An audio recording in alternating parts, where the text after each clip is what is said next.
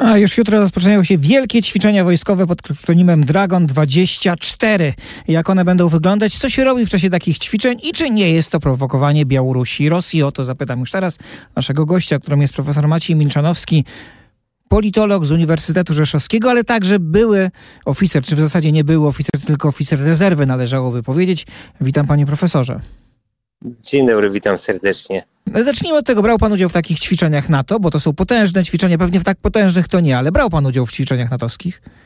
No oczywiście, brałem udział w ćwiczeniach na terytorium Polski, Niemiec, Norwegii, a, a nawet w Uzbekistanie kiedyś zdarzyło mi się ćwiczyć, także no mniej więcej wiem, jak wyglądają e, takie ćwiczenia. No i rzeczywiście są to ćwiczenia, które z jednej strony podnoszą gotowość wojsk, ale z drugiej strony jest to też ważny sygnał polityczny, bo tak wielkie ćwiczenia są oczywiście e, kluczowym sygnałem politycznym. Pamiętamy, że Rosja e, takie sygnały polityczne za pomocą ćwiczeń wojskowych e, bardzo często stosuje. Tylko w przypadku Rosji ćwiczenia dość co jakiś czas zmieniają się w otwarty konflikt zbrojny, a w przypadku NATO nie zdarzyło się to nigdy. Jeżeli NATO deklaruje E, rozpoczęcie jakiejś operacji tę rozpoczyna, jeżeli deklaruje ćwiczenia, to prowadzi ćwiczenia. I tym się właśnie różni ta perspektywa takich ćwiczeń w Polsce i w Białorusi czy w Rosji. Także te ćwiczenia nie będą prowokowały Rosji ani, ani Białorusi, ale będą ważnym sygnałem o tym, że podnosimy gotowość, że zwiększamy możliwości naszych wojsk, ko koordynację, kooperację, a jednocześnie y, budujemy też możliwości przyjęcia wojsk sojuszniczych w Polsce jako host nation support.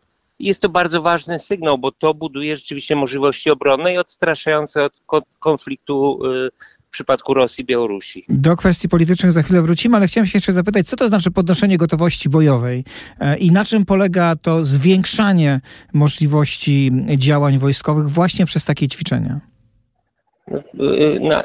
Generalnie jest to bardzo prosta kwestia. Wojsko, które E, jest to taka stara maksyma rzymska, że wojsko nieużywane rdzewieje.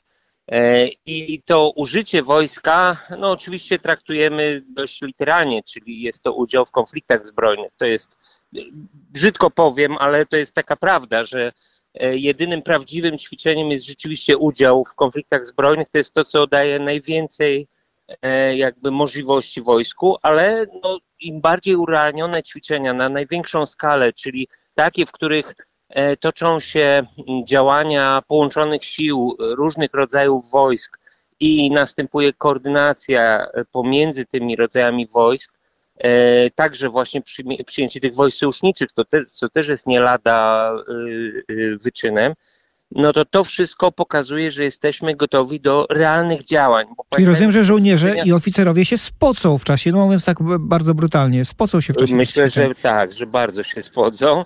E, I, i, że, I że rzeczywiście to będzie pokaz prawdziwych działań. Nie tak jak to było za dawnych czasów, kiedy to ćwiczenie się toczyło swoją drogą, a tak zwany VIP Day, na który przyjeżdżali oficjele, politycy oglądali pokaz, taki teatr. Czyli jeden dzień odbywały się prawdziwe ćwiczenia, a reszta to były jakieś tam ćwiczenia. Więc y, od lat już mówiłem o tym i wielu ekspertów o tym mówiło, że ćwiczenia muszą być realne. To musi być cały czas tak, jakby trwała wojna. Tak mają wyglądać ćwiczenia, a nie e, robienie teatru na pokaz dla polityków, bo to jest e, zupełna fikcja, w którą tylko nasi chętnie wchodzą i chętnie się dają oszukiwać, a Rosjanie doskonale wiedzą, że no, robimy taką wydmuszkę, która nie ma nic wspólnego z rzeczywistością. Panie profesorze, a jakim językiem posługują się? No bo rozumiem, że dowódcy różnych jednostek z różnych krajów, e, nie mówię oczywiście o zwykłych żołnierzach, ale o tych, którzy są wyżej trochę w, hierarchii. Jakim językiem jest ten język, którym się porozumiewają dowódcy natowscy? Oczywiście język NATO to jest język angielski i tym językiem, nawet jeżeli, nawet tak w Iraku, że e, my pomiędzy swoimi jednostkami bardzo często też posługiwaliśmy się językiem angielskim, E, nie dlatego, że chcieliśmy pokazać, jak to znamy język angielski, ale dlatego, że wiele procedur jest realizowanych w języku angielskim, wiele skrótów angielskich, wiele nazw, nawet są nazwy nieprzetłumaczalne, takie jak nawet to centrum, w którym ja funkcjonowałem, nazywało się Tactical Operation Center i to nie jest przetłumaczalne na e, jakby procedury język, w języku polskim, dlatego w ogóle się tego nie tłumaczy, więc czasami łatwiej było nawet po angielsku się porozumiewać, niż szukać jakichś łamanych tłumaczeń polskich, które w żaden sposób no, nie byłyby zrozumiane nawet. Więc jest to język angielski, który jest mocno specjalistyczny. On jest przesycony skrótami, bardzo wieloma takimi akronimami, które no, mogą utrudnić postronnemu obserwatorowi zrozumienie, o, co, o czym się w ogóle mówi. Ale rozumiem, że Rosjanie znają. A pytanie jeszcze takie, na ile te procedury różnych armii natowskich, to są jednak odrębne armie, w których jedne rzeczy są lepsze, drugie są gorsze, na ile te procedury są wspólne i na ile trzeba je wciąż w czasie ćwiczeń dopra dopracowywać? No to właśnie na tym cała e, sztuka polega w NATO, że my mamy te same procedury. My się posługujemy procedurami natowskimi i nasze wewnętrzne jakieś unormowania w naszej armii czy w innych armiach są zupełnie oddzielną kwestią. Natomiast kiedy ćwiczymy, mamy procedury natowskie, które są jednolite. Właśnie to jest ta kwestia z wchodzeniem Finlandii i Szwecji do NATO, że e, tak naprawdę te armie obie, no jakby sprzętowo, pod względem mentalnym, one są natowskie od zawsze, bo Finlandia i Szwecja Zresztą też mieliśmy udział w ćwiczeniach z Norwegami, którzy blisko współpracowali ze Szwecją. Jakby tu problemu pod żadnym względem nie ma, tylko właśnie kwestia procedur, czyli różnych kodów, różnych kryptonimów, sygnałów, które się przekazuje, no i samych procedur działania.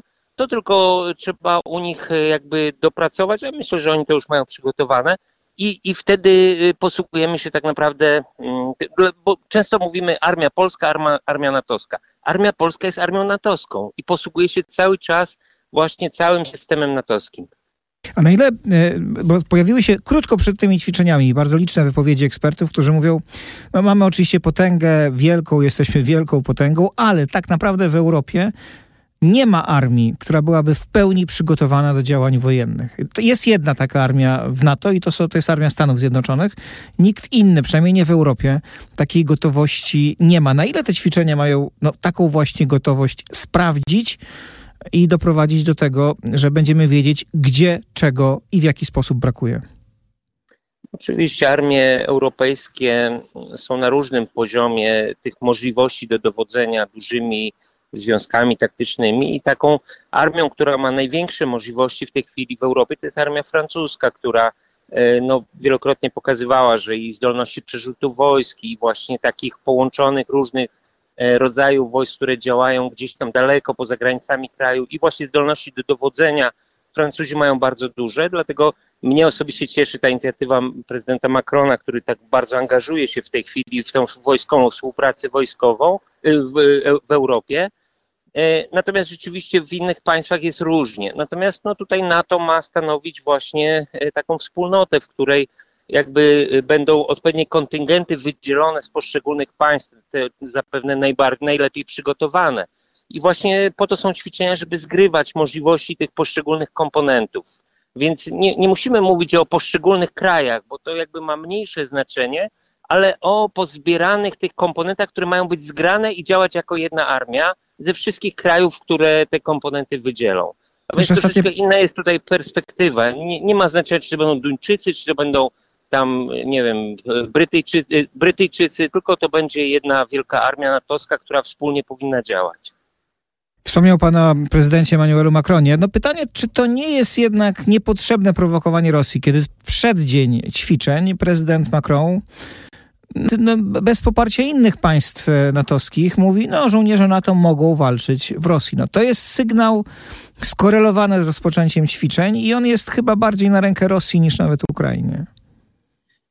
Nie wiem dlaczego, bo nie wiem jaki, do czego mielibyśmy sprowokować Rosję. Co Rosja może zrobić w tej chwili e, w ramach takiej prowokacji, no bo ja widzę tutaj raczej e, grę polityczną, w której Rosja w tej chwili cały czas rozdaje karty. Putin mówi, będę wojnę prowadził 5 lat. Mogę zastosować broń, jaką chcę. Ode mnie wszystko zależy. On, on jak cały czas ma inicjatywę. I nagle Macron mówi, no, nie wykluczamy, że wojska natowskie trafią na Ukrainę w jakiejś perspektywie czasowej do jakichś tam zadań. Prawda? Jest to bardzo delikatne tak naprawdę stwierdzenie, które troszeczkę zamyka pewne okienko czasowe E, Rosji i wydaje mi się, że to bardziej my powinniśmy traktować w formie właśnie takiej gry politycznej, polityczno-militarnej można powiedzieć, ale która trochę jednak ogranicza możliwości Rosji i ta Rosja już musi kombinować, czy, by, czy jednak nie przyspieszać działań na Ukrainie, a dla Ukraińców też jest to wtedy korzystne, dlatego że ta długotrwałość tego konfliktu jest ogromnie niszczące e, dla Ukraińców. Być może jest to też sygnał dla Amerykanów, żeby zwiększyć jednak zaangażowanie, więc no, ja nie postrzegam tego ruchu Macrona e, tak negatywnie, bo wydaje mi się, że Putin to, co najgorszego chce zrobić Europie, to już to robi, ma to w planach i do niczego gorszego już go w tej chwili nie sprowokujemy. Bardzo dziękuję profesor Maciej Milczanowski, oficer rezerwy, politolog z Uniwersytetu Rzeszowskiego był naszym gościem. Bardzo dziękuję za rozmowę. Dziękuję uprzejmie.